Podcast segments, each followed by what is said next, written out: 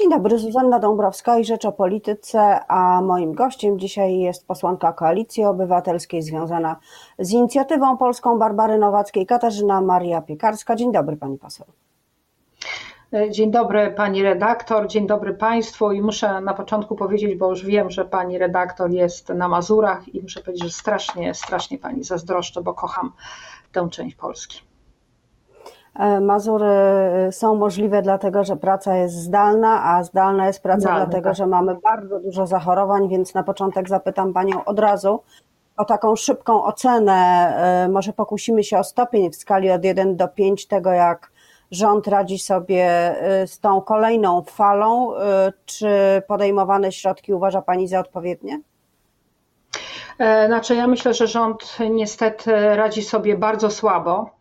E, i cała nadzieja w tym, że się szybko e, wyszczepimy.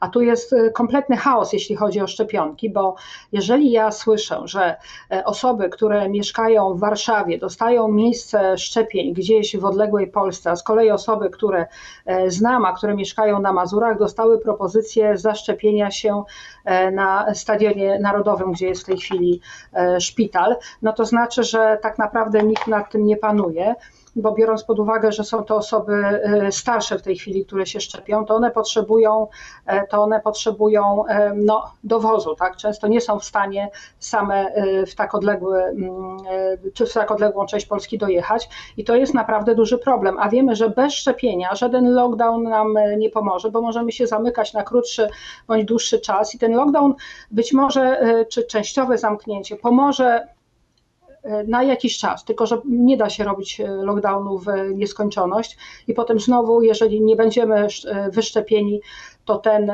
to ten wirus będzie nadal bardzo groźny dla naszej populacji. Także szczepienia, szczepienia, szczepienia. Ja jeszcze dodam od siebie, że uważam, że powinniśmy skupić się także nad produkcją polskiej szczepionki i tu jest jakiś problem, bo e, rząd niestety w tej sprawie nie pomaga, a są w tej chwili dwa ośrodki w Polsce, które są bardzo zaawansowane, jeśli chodzi o, mm, o polską szczepionkę, e, bo tam już są, jest faza doświadczeń na e, zwierzętach. Ale to są drogie badania, to są drogie procedury, więc po prostu potrzeba pieniędzy. Ale produkcja własnej szczepionki spowodowałaby takie mm, uniezależnienie E, od e, dostaw z zewnątrz, a wiemy, że e, te dostawy z zewnątrz niestety mm, no nie zawsze wygląda to tak, jakbyśmy sobie wszyscy wymarzyli i tak jak zresztą się umówiliśmy. Tak? Tych szczepionek brakuje, partie nie dochodzą, więc własna szczepionka no, to byłoby takie uniezależnienie się od, od dostaw z zewnątrz. Pani poseł, a dlaczego... W każdym razie wierzę w polską naukę. Dlaczego nie udaje się współpraca opozycji z władzą w sprawie pandemii? Widzieliśmy w różnych sprawach, o to też zresztą chciałabym zapytać, że czasem można się porozumieć, takie słynne, słynne poziomki, czyli porozumienia poziome. Pani y, mm, czasem dogadywała się w sprawie praw zwierząt z Prawem i Sprawiedliwością, pani i inni posłowie y, opozycji, a w sprawie pandemii jakaś jest e, taka zaklęta niemożność porozumienia się właściwie chyba w żadnej sprawie. No tak, tylko że y, tutaj to y, pani wrzuciła kamyczek jednak do ogródka rządu, dlatego, bo to rząd powinien prowadzić te konsultacje, y, to rząd powinien być gospodarzem tych rozmów i zapraszać opozycję do, do rozmów. My zawsze mówiliśmy, że byliśmy na to gotowi, tylko proszę zwrócić uwagę, że wszystkie poprawki nasze, czy zdecydowana ich większość, były odrzucane. Zupełnie ignorowano nasze uwagi dotyczące otwarcia szkół we wrześniu ubiegłego roku. Tam chodziło między innymi o to, żeby dać większą swobodę dyrektorom e, szkół e, i wiele, wiele było takich różnych e, poprawek, uwag, dyskusji, ale one się odbywały wewnątrz opozycji, natomiast no, rząd nie przychodził. I ja się temu po prostu bardzo dziwię, bo mm, Myślę, że każdy rozsądny rząd powinien rozmawiać z opozycją, bo nie ma w tej chwili ważniejszej sprawy dla Polski niż e, pokonanie tego niewidzialnego, jakim jest e, wirus. I wszyscy powinniśmy w tej sprawie współpracować. Rząd nie chce, znaczy ja tego kompletnie e, nie rozumiem. Poza tym, tak jak mówię, w ogóle panuje jakiś chaos decyzyjny, gdzie otwieramy stoki, potem je zamykamy. Bardzo duża nieodpowiedzialność też związana z wyborami w zeszłym roku, kiedy premier namawiał wszystkich, żeby poszli do wyborów i beztroską mówił, no ależ wirus jest w odwrocie, o co chodzi, się uśmiechał e, bez maski. To wszystko, wiadomo, to, to było wiele miesięcy temu, ale to wszystko nie pozostaje bez wpływu na to, co się dzieje teraz. Bardzo niepokojącym e, też takim zjawiskiem jest e, to, że sporo ludzi rezygnuje ze szczepień. I ten takie AstraZeneką, ale obawiam się, że te osoby w ogóle mogą się niestety nie chcieć szczepić. Tutaj też władza wykazywała się lekkomyślnością, bo przypomnę, kiedy pan prezydent mówi, że on się nie szczepi przeciwko grypie, y, bo nie i miał taki lekceważący stosunek do, y, do szczepień w ogóle. A powiedzmy sobie otwarcie, jeżeli nie wyszczepimy przynajmniej 70, a niektórzy naukowcy mówią 80% naszego społeczeństwa, to nie będziemy bezpieczni. To jest y, i y, bycie zaszczepionym, namawianie do tych szczepień, to jest dzisiaj też, y, powiedziałabym, przejaw patriotyzmu, bo musimy dbać o siebie, musimy dbać o swoje rodziny, ale musimy też, też dbać o, o naszych sąsiadów. Nie będziemy bezpieczni, dopóki się nie wyszczepimy. Ja powiem, że ja zaszczepię się każdą bezpieczną szczepionką, a według informacji AstraZeneca jest bezpieczną szczepionką i czekam na swoją e, kolej. E, jestem 50, plus, więc pewnie jeszcze trochę poczekam, ale zaszczepię się w pierwszym e, możliwym terminie, taki jaki będzie możliwy do zaszczepienia się. Skoro już padają deklaracje, to ja deklaruję dokładnie to samo, bo jesteśmy w tej samej sytuacji. Ja chciałam Panią zapytać, czy żal Pani piątki dla zwierząt, tego pomysłu Jarosława Kaczyńskiego, który miał zmienić e, sytuację zwierząt e, domowych przede wszystkim e, w Polsce, no i znikł z horyzontu politycznego. Bardzo. Muszę powiedzieć, że bardzo żałuję i wczoraj z dużym smutkiem E, przeczytałam informację, że na jednym ze spotkań z rolnikami pan minister rolnictwa powiedział, że nie będzie powrotu do piątki dla zwierząt. I to jest bardzo smutna informacja, bo zwierzęta po raz kolejny przegrały z polityką. Ja przypomnę, że były dwa projekty. Pierwszy, taki mały i chyba niekontrowersyjny, złożyłam e, w grudniu 2019 roku. On zawierał przepisy dotyczące Mm, zakazu występów zwierząt w cyrkach mm, oraz regulacji dotyczących zwierząt na służbie, czyli koni używanych przez służby mundurowe oraz, oraz psów. Projekt był procedowany razem z piątką dla zwierząt i niestety razem z tą piątką dla zwierząt e, przepadł. Ja no bardzo żałuję, obawiam się, że będzie bardzo trudno wrócić w tej chwili do tego mm, projektu, ponieważ lobby rolnicze jest e, bardzo silne. Dlatego ja jestem zwolenniczką e, małych kroków. I mm, wkrótce wniesiemy taki projekt ustawy e, w ciągu kilku dni, może w przyszłym tygodniu, ale w każdym razie przed świętami, który będzie zawierał rozwiązania, które są, powiedziałabym, no, chyba niekontrowersyjne E, dotyczące głównie zwierząt e, towarzyszących. No i mam nadzieję, że mówiąc, cytując e, Jarosława Kaczyńskiego, znajdzie się w Sejmie tylu dobrych ludzi, którzy spowodują, że te zmiany staną się prawem, bo naprawdę nie ma dzisiaj powodu w XXI wieku, żeby psy ciągle były na metrowym łańcuchu. To jest po prostu jakiś, jakiś skandal. Kwestia uregulowania właśnie psów e, mundurowych, nawiasem, czy psów na służbie, e, bo dzisiaj nawiasem mówiąc o 14.30 jest Komisja Administracji i Spraw Wewnętrznych, gdzie na mój wniosek będzie informacja o takich zwierzętach e, w mm, służbie.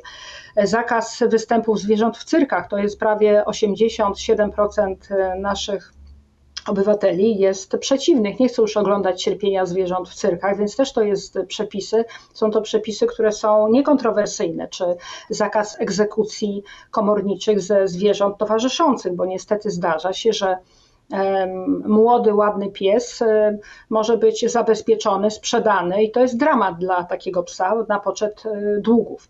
I, i to no są i tego typu zmiany, które i dla właściciela oczywiście też często to są dzieci, więc to jest dodatkowy dramat.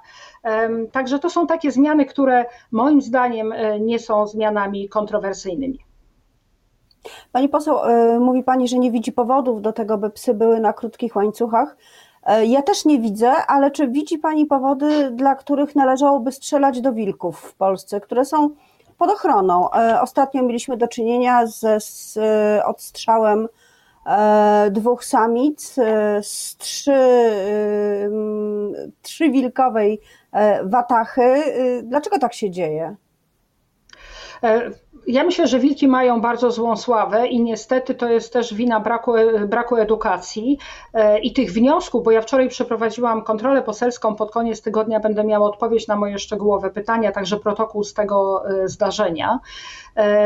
I taki powiem, taki odstrzał wilka, który jest w zasadzie, można powiedzieć, dlaczego odstrzelono te dwie samice młode, a nie, a nie inne wilki, nie wiadomo, to się robi na chybił trafił, a naukowcy mówią, że to jest bardzo niebezpieczne, bo to dzieli watachę i często młode Mm, wilki, które zostają same, po prostu podchodzą pod e, siedziby ludzkie i to jest niebezpieczne. To jest też kwestia edukacji, to jest kwestia też e, odpowiednich zabezpieczeń i ja zdaję sobie sprawę, że czasami może być przypadek taki, że trzeba wydać taką decyzję o trzale wilka, ale powinna być to taka mm, ostateczna ostateczność. E, I o tym wczoraj rozmawiałam z przedstawicielami e, Generalnej Dyrekcji Ochrony Środowiska, właśnie dla, o tamtym przypadku z Brzozowa, ale także o innych przypadkach, bo w zeszłym roku wydano 19, około 19 czy 20 decyzji o odstrzale wilka. E, I też e, w części tych przypadków, moim zdaniem, wybór, dlaczego ma być zastrzelony ten, a nie inny e, osobnik, był, był po prostu mm, no, na zasadzie tak, bo tak, a nie jakąś przemyślaną strategią. O to trzeba mm, niewątpliwie pytać i mam nadzieję, że otrzymam na to odpowiedź. Też jest taka niebezpieczna sytuacja, bo pojawiają się też wnioski o odstrzał niedźwiedzi. E, które też pojawiają się coraz bliżej e, siedlisk ludzkich. E, no i o tym trzeba po prostu zacząć rozmawiać, jak zabezpieczyć ludzi i gospodarstwa, ale z drugiej strony wilk jest ściśle chronionym, pełni bardzo ważną rolę w ekosystemie, jest takim sanitariuszem lasu. Mamy ich niewiele, bo to jest około 2000 sztuk, także naprawdę uważam, że wilk nadal powinien być pod e, ścisłą e, ochroną, no ale jest lobby, jest to coraz, więcej, coraz większa grupa ludzi, mm, którzy domagają się pozwolenia na odstrzał wilka. Też wydaje mi się, że Dlaczego? część Pani ataków. Poseł, Pani poseł, skąd się bierze ta, no można chyba powiedzieć, no, wielka niechęć, może nawet nienawiść E, myśliwych, e, którzy przecież szczycą się tym, że także dbają o środowisko, e, właśnie do wilków. Czy to jest jakaś konkurencja? No w jakimś sensie jest konkurencja i to jest o tyle ciekawe, że myśliwi mówią, no y, myślistwo musi nadal funkcjonować, ponieważ została naruszona równowaga, nie ma naturalnych drapieżników. Jak pojawiają się wilki, które pełnią bardzo ważną rolę, jak już powiedziałam, i one y, atakują te słabe, najsłabsze y, sztuki, zwierzyny, no to okazuje się, że wilki trzeba odstrzelić.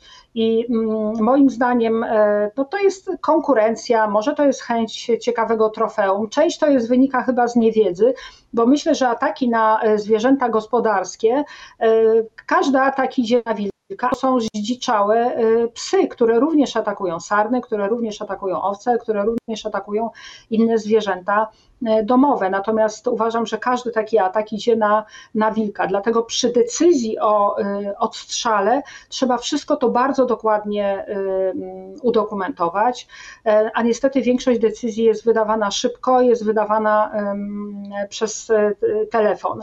I tak jak mówię, no, sytuacje, gdzie być może to jest konieczne, ale to powinno być już naprawdę ostateczność, bo taka decyzja powinna być bardzo dobrze Mm, udokumentowana. I inna sprawa to jest także walka z bezdomnością zwierząt, o czym też, e, o czym też zresztą jest projekt dotyczący mm, bezdomności, e, wychodzenia z bezdomności. Na razie nie dostał, e, nie, nie został nadany druk, dlatego że duża część zwierząt, które, psów, które, które stają się mm, bezdomnymi, które są, które dorastają takie półzdziczałe, no potem po prostu stanowią zagrożenie również dla człowieka, dla zwierząt żyjących w lesie no i dla zwierząt y, gospodarskich.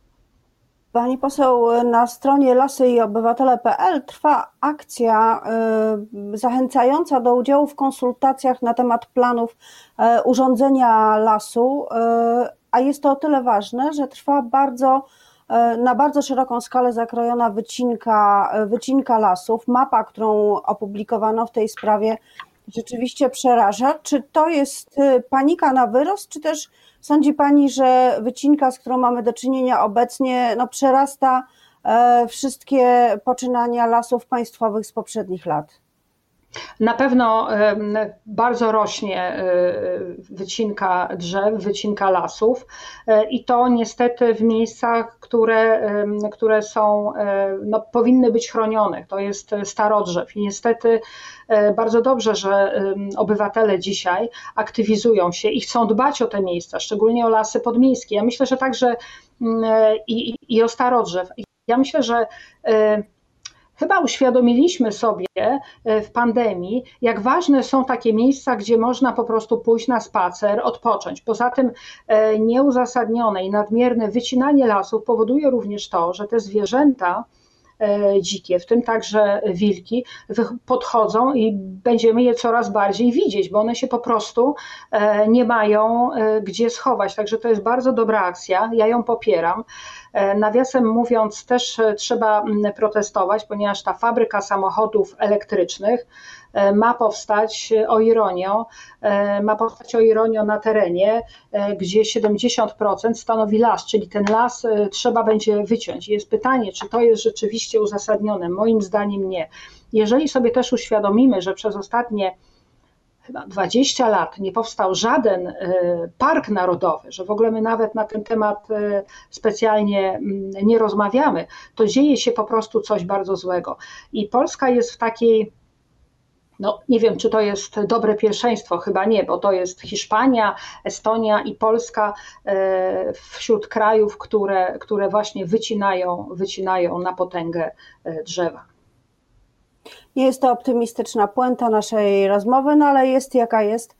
E, ale siła w obywatelach, pani redaktor, siła w obywatelach, musimy pokazać, musimy pokazać naszą właśnie siłę i, i bronić tych, tych drzew i bronić tego naszego miejsca do wypoczynku, do spaceru.